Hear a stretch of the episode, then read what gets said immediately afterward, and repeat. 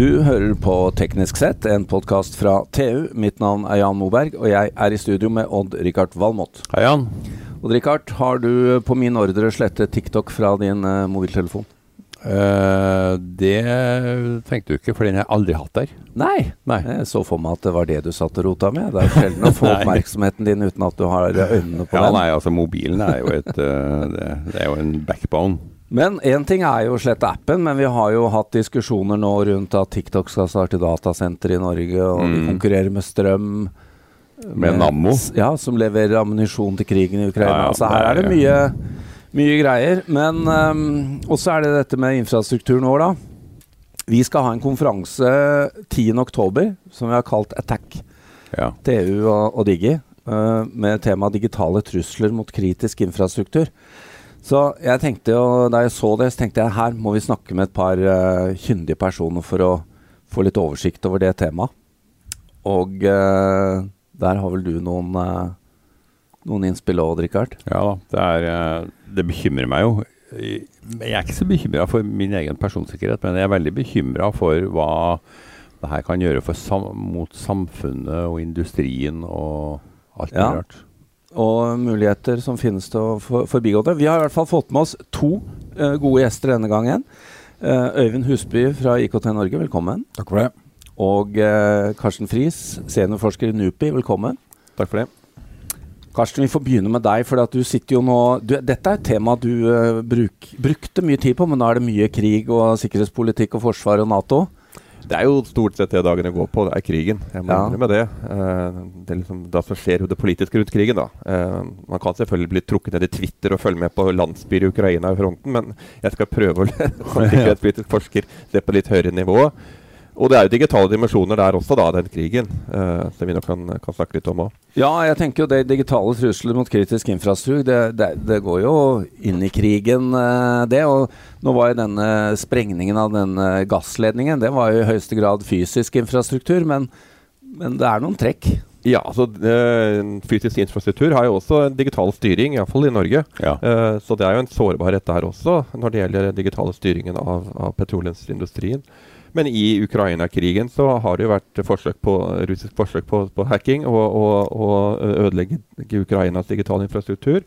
Uh, og vi har dette med Skylink, som er veldig interessant uh, case på hvordan en ny infrastruktur kommer inn og liksom redder situasjonen. Ja, da snakker du om Elon Musk sin, uh, sine lavbanesatellitter i tusentall som gir internett over kloden? Riktig. Og som da kommer på veldig fort. Og det er privat initiativ, det er ikke statlig. Det er, altså, det er mye interessant her. Og, og, at det kunne komme nesten ut av det blå, eh, og har vært vanvittig viktig for, for ukrainske forsvaret og for ja. vanlige folk å få ha internett og tilgang på informasjon. Men som sagt, særlig for Forsvaret, kommando og kontroll, som det heter. Hva skjer hvor, og hvordan og hvor skal vi skyte? Eh, det er avhengig av kommunikasjon for å, for å kunne, kunne uh, få til. Ja, Er det sånn at hvis russerne hadde invadert et par år tidligere, og Starlink ikke hadde vært oppe og gått, så hadde de hatt et fortrinn? Absolutt.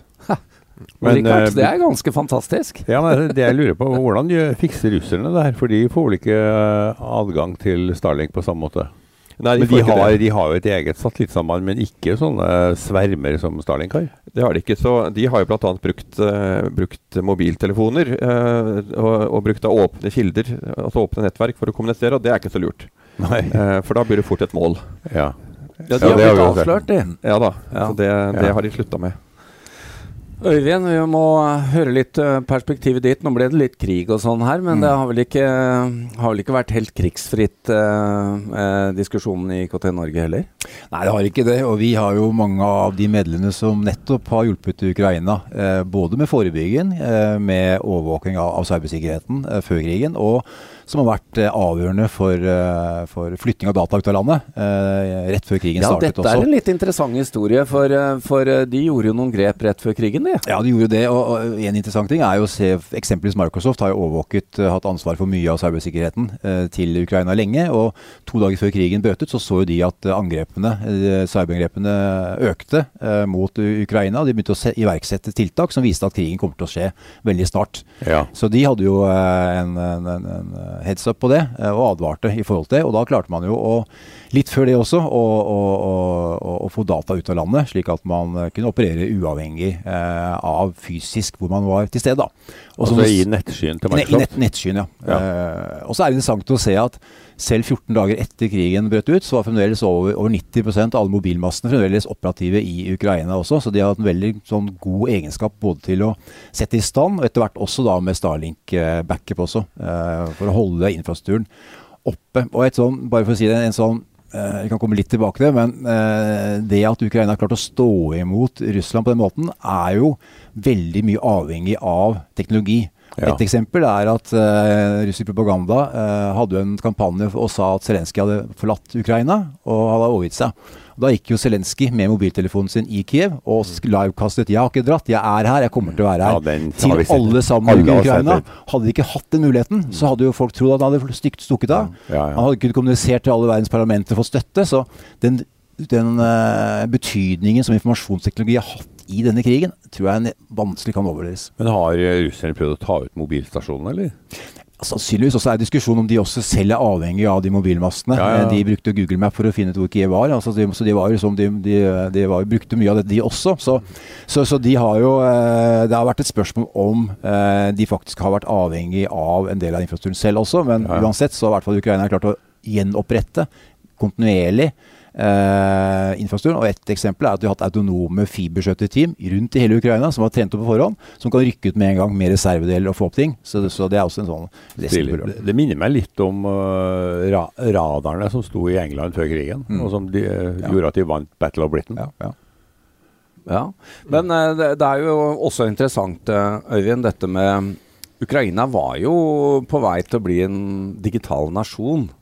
vi, vi tenker jo ofte på det som et litt sånn Eh, ikke så teknologisk ledende del av verden, men du verden. Altså, vi har jo norske selskaper som har ressurser i Lviv for mange år siden, som driver altså, konsulentvirksomhet digitalt. Ja, ja. Nei, og, og, Ukraina de var jo veldig eh, sterke eh, på IT og IT-kompetanse før krigen startet, med over 300 000 IT-eksperter, og, og, mange brukte jo de ressursene der også. og bare under krigen så har den ukrainske IT-industrien vokst med 10 eh, Under krigen, under krigen på eksport. Ja. Og har nå kanskje blitt ledestjerne i Europa på digitalisering, nettopp mm. fordi det har vært så stor fokus fra myndighetene på digitalisering. Og de har også hatt eh, så mye kompetanse rundt digitalisering i den ukrainske befolkningen også, så de har klart å ta en ledestjerne på digitalisering under krigen så tenker jeg at, at uh, klart når det er krig, så er de sikkerhetsbekymringene du har, er litt annerledes enn det er i fredstid. Uh, ja. I, I, Vesten vi er bekymret for, for, personvern, vi er bekymret for at amerikanerne skal overvåke oss og, tenke på nasjonale skyer og sånn. PST og Nei, hva heter det for noe? Digitalt grenseforsvar og slikt. Ja, ja, ja. alt det her. Altså, og, klart når, når, du er, når, du får bomber i hodet, så tenker du nå skal bare altså, Da tenker du litt annerledes, og da blir det bare effekt, mest mulig effektivt. Få det ut i, i noen vi stoler mer på enn russerne. Og det, det, er da vestlige selskaper. Det blir ikke så mye Schrems-hensyn uh, å ta. Det går litt fortere, da. ja. Det er jo et paradoks i Norge at uh, vi er så redd for GDPR og utlevering av data at vi fortsetter med on-prem-utstyr som blir hacket, som ikke mm. har patchet opp. Uh, så mens vi er redd for at uh, data kanskje skal bli utlevert til amerikansk høyesterett, så blir jo vi hacket av russere og kinesere som får tak i dataene isteden. Vi har jo hatt en del store hackingskandaler i Norge de siste åra. Uh, er det noe, noe, av det her som kan tilskrives de store skyleverandørene? Jeg vil si at nesten alle, alle, som jeg kjenner til, kan tilskrives at man ikke har gått i sky. Alt har vært on-prem av det jeg kjenner til av de store hackene. Altså on-premise? On-premise. Ja, ja, at de har datasenter i kjelleren. Helt riktig. Ja. Mm. Uh, så, tryggest det. Tryggest det? ja, altså det var jo Det var egentlig et forslag. Det, den der stortingsgarasjen som ble så dyr, mm. der kunne de jo lage nasjonalt datasenter i stedet. ikke sant? Så hadde de jo sittet på toppen av det og holdt orden på det. Ja. Det hadde vært greia. Ja. Men uh, litt videre, Karsten. Vi må spørre deg litt her nå uh, om dette med digitale trusler mot kritisk infrastruktur. Hvis, nå har vi hatt litt krigsdiskusjoner her, men men eh, TikTok innledet vi litt med. Det er mer på personplan hva det kan brukes til. Det kan jo være like mye propaganda som det kan være digitalisering. Men hva er det egentlig vi snakker om av trusler mot kritisk infrastruktur i Norge da? Er det, er det fiberkablene våre, eller er det hva, hva, tenker vi på? Ja, det er jo veldig mye rart. Men altså, la oss begynne med det grunnleggende. Så er det jo strøm, tenker jeg. Altså, ja. Fungerer ikke strøm, fungerer ikke internettet. Så, så få Altså sørge for at at digitale systemer eh, ikke, man ikke hindre angrep, men at de er fort opp og går hvis de blir angrepet. Ja. Redundans eller uh, slike begreper. Uh, strøm, vann er selvfølgelig altså Alt vi har i dag, er jo digitalisert. Uh, Gasseksporten til utlandet er jo fysisk, men det er jo styres jo digitalt. Så det kan også, det kan også hackes potensielt. Så, så det, jobben er jo å kartlegge sårbarheter. Uh, og ha oversikt over det. Og det er jo en sånn pågående prosess. Man har ikke noe gjort det en gang for alle. Uh, det er ikke mange år siden man oppdaget at hele verden er avhengig av, av halvledere. Og de halvlederne ble laget liksom på tre-fire steder i verden. Enda færre, kanskje. Altså, mm. Det er jo den der type forståelsen på, på avhengigheter man har, og svakheter i forsyningskjedene. Uh, og, og for svakheter i systemene man har, som er viktig, tenker jeg. Og, og, og, igjen, det handler ikke om å gjøre seg hindre at man kan bli angrepet, men å gjøre at man er fort oppe og går igjen hvis det skjer. Ja, for det er to forskjellige ting, egentlig. Ikke sant? Jeg, jeg pleier ja. å snakke om en, en klassisk borg. I, I Forsvaret i gamle dager er det sette med borg, og så heller man olje i hodet på de som angriper. Eh, den borgen, når det gjelder digitale systemer, er full av hull. De kommer inn. Men det gjelder bare å hindre at den effekten at de kommer inn i borgen din, eh, at, de, at, de, får noen effekt på lang sikt. Altså man kan, ja. De har ikke så, mye, så mye skade, da, men de, inn kommer de. Ja. Så det, det må vi nesten regne med. Ja, sånn tenker jeg på alle digitale systemer. Men, men, er vi som nasjon i Norge, da uh, nå, du, du, sitter jo og ser uh, verden, uh, men er, er, vi litt naive? Det er ledende spørsmål, men kan jo få det inntrykket noen ganger. Ja, men Det er også litt sånn helt på engelsk half full, half empty. Altså er vi, vi, er på riktig vei. Mm. Hvis vi begynte å se på dette fra et sånn sikkerhetspolitisk ståsted for en del år siden, så, så er det mye dårligere. Altså Vi er jo mye mer bevissthet rundt dette her i, i Norge i dag. Men som du var inne på her i stad, altså, det går så sakte. For vi, vi, vi, har jo så mange ting vi skal ta hensyn til. Ja. Og, og, og, personvern er bekymringen er, sitter veldig dypt i Norge, f.eks. Mm. Og da går ting kanskje saktere enn det gjør når man har får bomber i hodet. Da hiver man seg rundt litt fort. Og så kan man si at ideelt et sted midt imellom, kanskje. Uh, men, men, altså det er jo Men det er iallfall det at, at forståelsen av sårbarhetene er jo noe vi må forstå som individ og som selskap og som på statlig nivå. Uh, og det er bare pågående prosess. så Vi er langt fra i mål. i hvert fall. Øyvind, hva sier du til dette? Nei, altså, er, eh, du sitter på det digitale Norge. Er dere frustrert? Ja, det er mye, mye, altså, det er mye som er veldig bra. Norge er kanskje fremst ja. i verden både på digitalisering og på sikkerhet på veldig mange områder. Samtidig så er vi også blant de landene som er mest sårbare, og har vært. Og etter 24.2, med den nye geopolitiske situasjonen og den strategiske posisjonen vi nå har i krigen i forhold til mm. Ukraina, så, så, er det et ganske stort gap, føler jeg, da, mellom både eh, situasjonsforståelse, tiltak og den situasjonen vi nå er i også. Så tror jeg det er Norge har vært et trygt land. Vi låser ikke døra når vi går, for jeg er vant til det er trygt. Men på cyberspace så er det ikke så trygt, for naboene våre er ikke eh, så hensynsfulle eh, som det. Så jeg tror også vi er eh, Det går litt for sakte. eller går veldig mye for sakte på en del områder. Eksempelet er sikkerhetsloven, innført for fire år siden, ennå ikke implementert. Justisdepartementet vet ikke hvor langt det har kommet, eller når den skal være ferdig implementert, som et eksempel. Så, så, og Hvis du ser på alle de hendelsene og alle de trusselvurderingene som da, i dag finnes, og det gapet som er i forhold til eh, hvor vi står, da, så, så er det gapet for stort og lukkes for sent. Og det er nok å nevne Riksrevisjonens siste fem-seks rapporter i forhold til Forsvaret, politiet, helsevesenet, NVE og sist justis hvor de da blir slaktet i forhold til cybersikkerheten, i forhold til både planer, beredskap og, og hvordan de følger opp uh, tiltakene som de er på plikt til å gjøre i forhold til sektorprinsippet. Du, Vi er jo så livredde for å, å dytte data, uh, kritiske data ut av Norge. Uh, vi var litt inne på i sted, men, men en app på en telefon den henter jo data fra ulike land. Mm. til og med bankapper i Norge er jo innom veldig mange ulike tjenester for å lage et tilbud. Mm. Det er det. Så jeg, jeg, jeg tenker én ting man må gjøre først, er å forstå hvordan faktisk verdikjeden i dag er. Uh, og eksempelvis uh, Norske apper er typisk inne, inne seks, syv, åtte flere land kanskje, i forhold til å operere uh, en telefon for å fungere innom flere land. Ja. Det er sånn det er, og sånn det må være. Så Det å snakke om f.eks. en nasjonal sky og digital suverenitet kan ikke bli snakket om uten å ha forståelse for at vi faktisk er avhengig av en større verdikjede. Og Da er det viktig å se på kanskje geografisk, Norden f.eks., eller allianser i forhold til hvor man skal være eh, redundant, da, og ikke geografisk. Mm.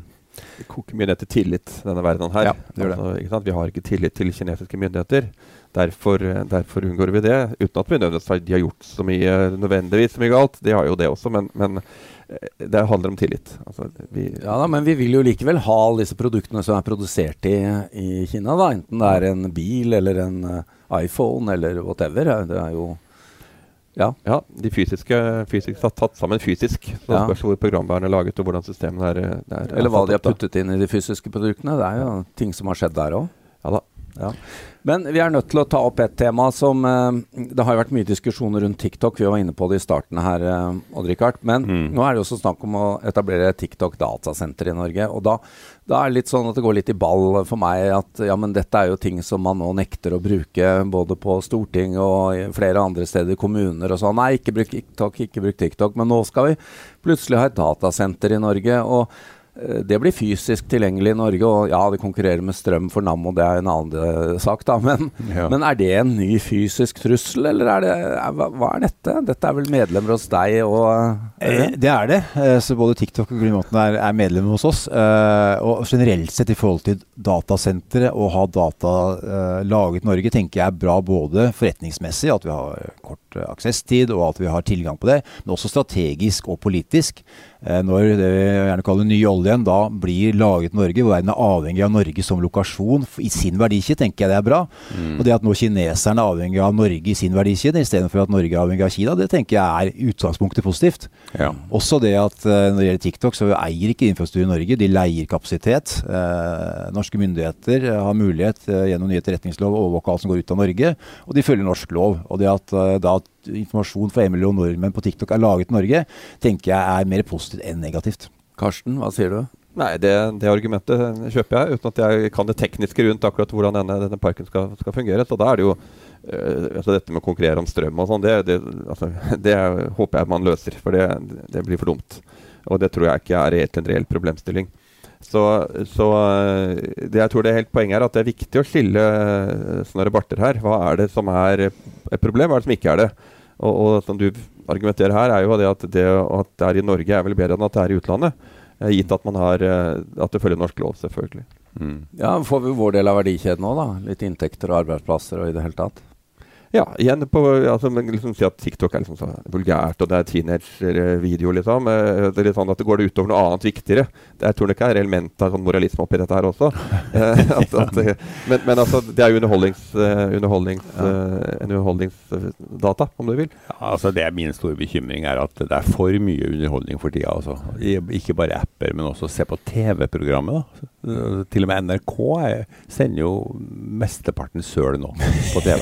ja. Og det er trist, altså. Det, er, og det går over skatteseddelen. Det er jo ikke en annen, en annen, diskusjon. Det har vært i 2000 år at man syns det har vært for mye uvesentlig informasjon også. Men når det gjelder TikTok og andre områder også, så er det ikke bare kattevideoer. Det er mye, mye, fag, det er mye andre temaer også. Så, jo, jo, men, så, så det, er, det, er, det som er utfordringen med TikTok, at det blir en sånn generasjonsutfordring. Fordi at eh, den eldre generasjonen eh, logger seg av, og den yngre er der. Og da eh, hvem er det sånn, som, Ja, og hvem er det som sitter på YouTube kvelden lang og ser på ja, korte videoer? Ja, det er deg. Ja, så det er mye bedre.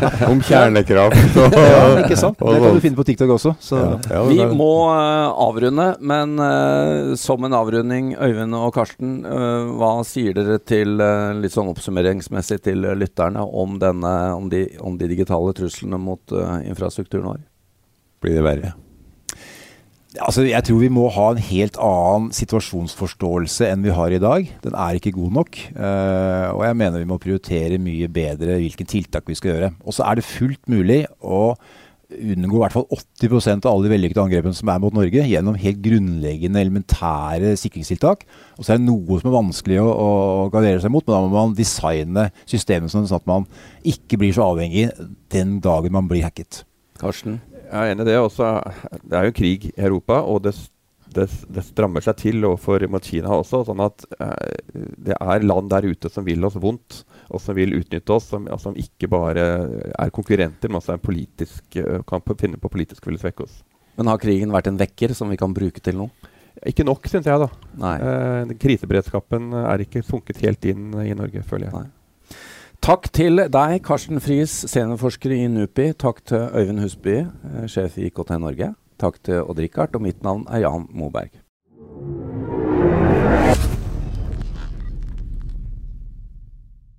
Hallo? Jeg kommer fra Oslo politikammer. Ine Jansen er purk. Er du purk? The motherfucking bitch. Alt jeg vil, er å finne ut hva som skjedde med mannen min. Jon Carew. Er jeg sikta for noe? Iben Akeli. Det er du. Ole So, Lars Berrum og Big Daddy Karsten. Hvem sin side er du på, egentlig? Anette Hoff, Tone Danielsen, Kommer du fra Afrika? Jørnis Josef, Nesten Kløfta. Trond Espen Seim, Det er synd å si det, men det var feil mann som døde. Purk. Premiere søndag på TV2 Play. Har du et enkeltpersonforetak eller en liten bedrift? Da er du sikkert lei av å høre meg snakke om hvor enkelt det er å sende faktura med fiken. Så vi gir oss her, fordi vi liker enkelt. Fiken superenkelt regnskap. Prøv gratis på fiken.no. Driver du en liten bedrift? Da tenker du sikkert at dette er en reklame for fiken. Men det er det ikke, for vi er Folio. Folio er en banktjeneste for bedrifter, og vi er fikenbrukerne sin absolutte favoritt. Med Folio får du nemlig en superenkel nettbank og kjappere regnskap. Dessuten får du påminnelser om alt du ellers må huske på. Med Folio er alt samlet på ett sted, og du får umiddelbart kontroll over utgifter og kvitteringer. Besøk folio.no og se hvorfor bedrifter foretrekker oss fremfor de store bankene. Folio smartere enn banken.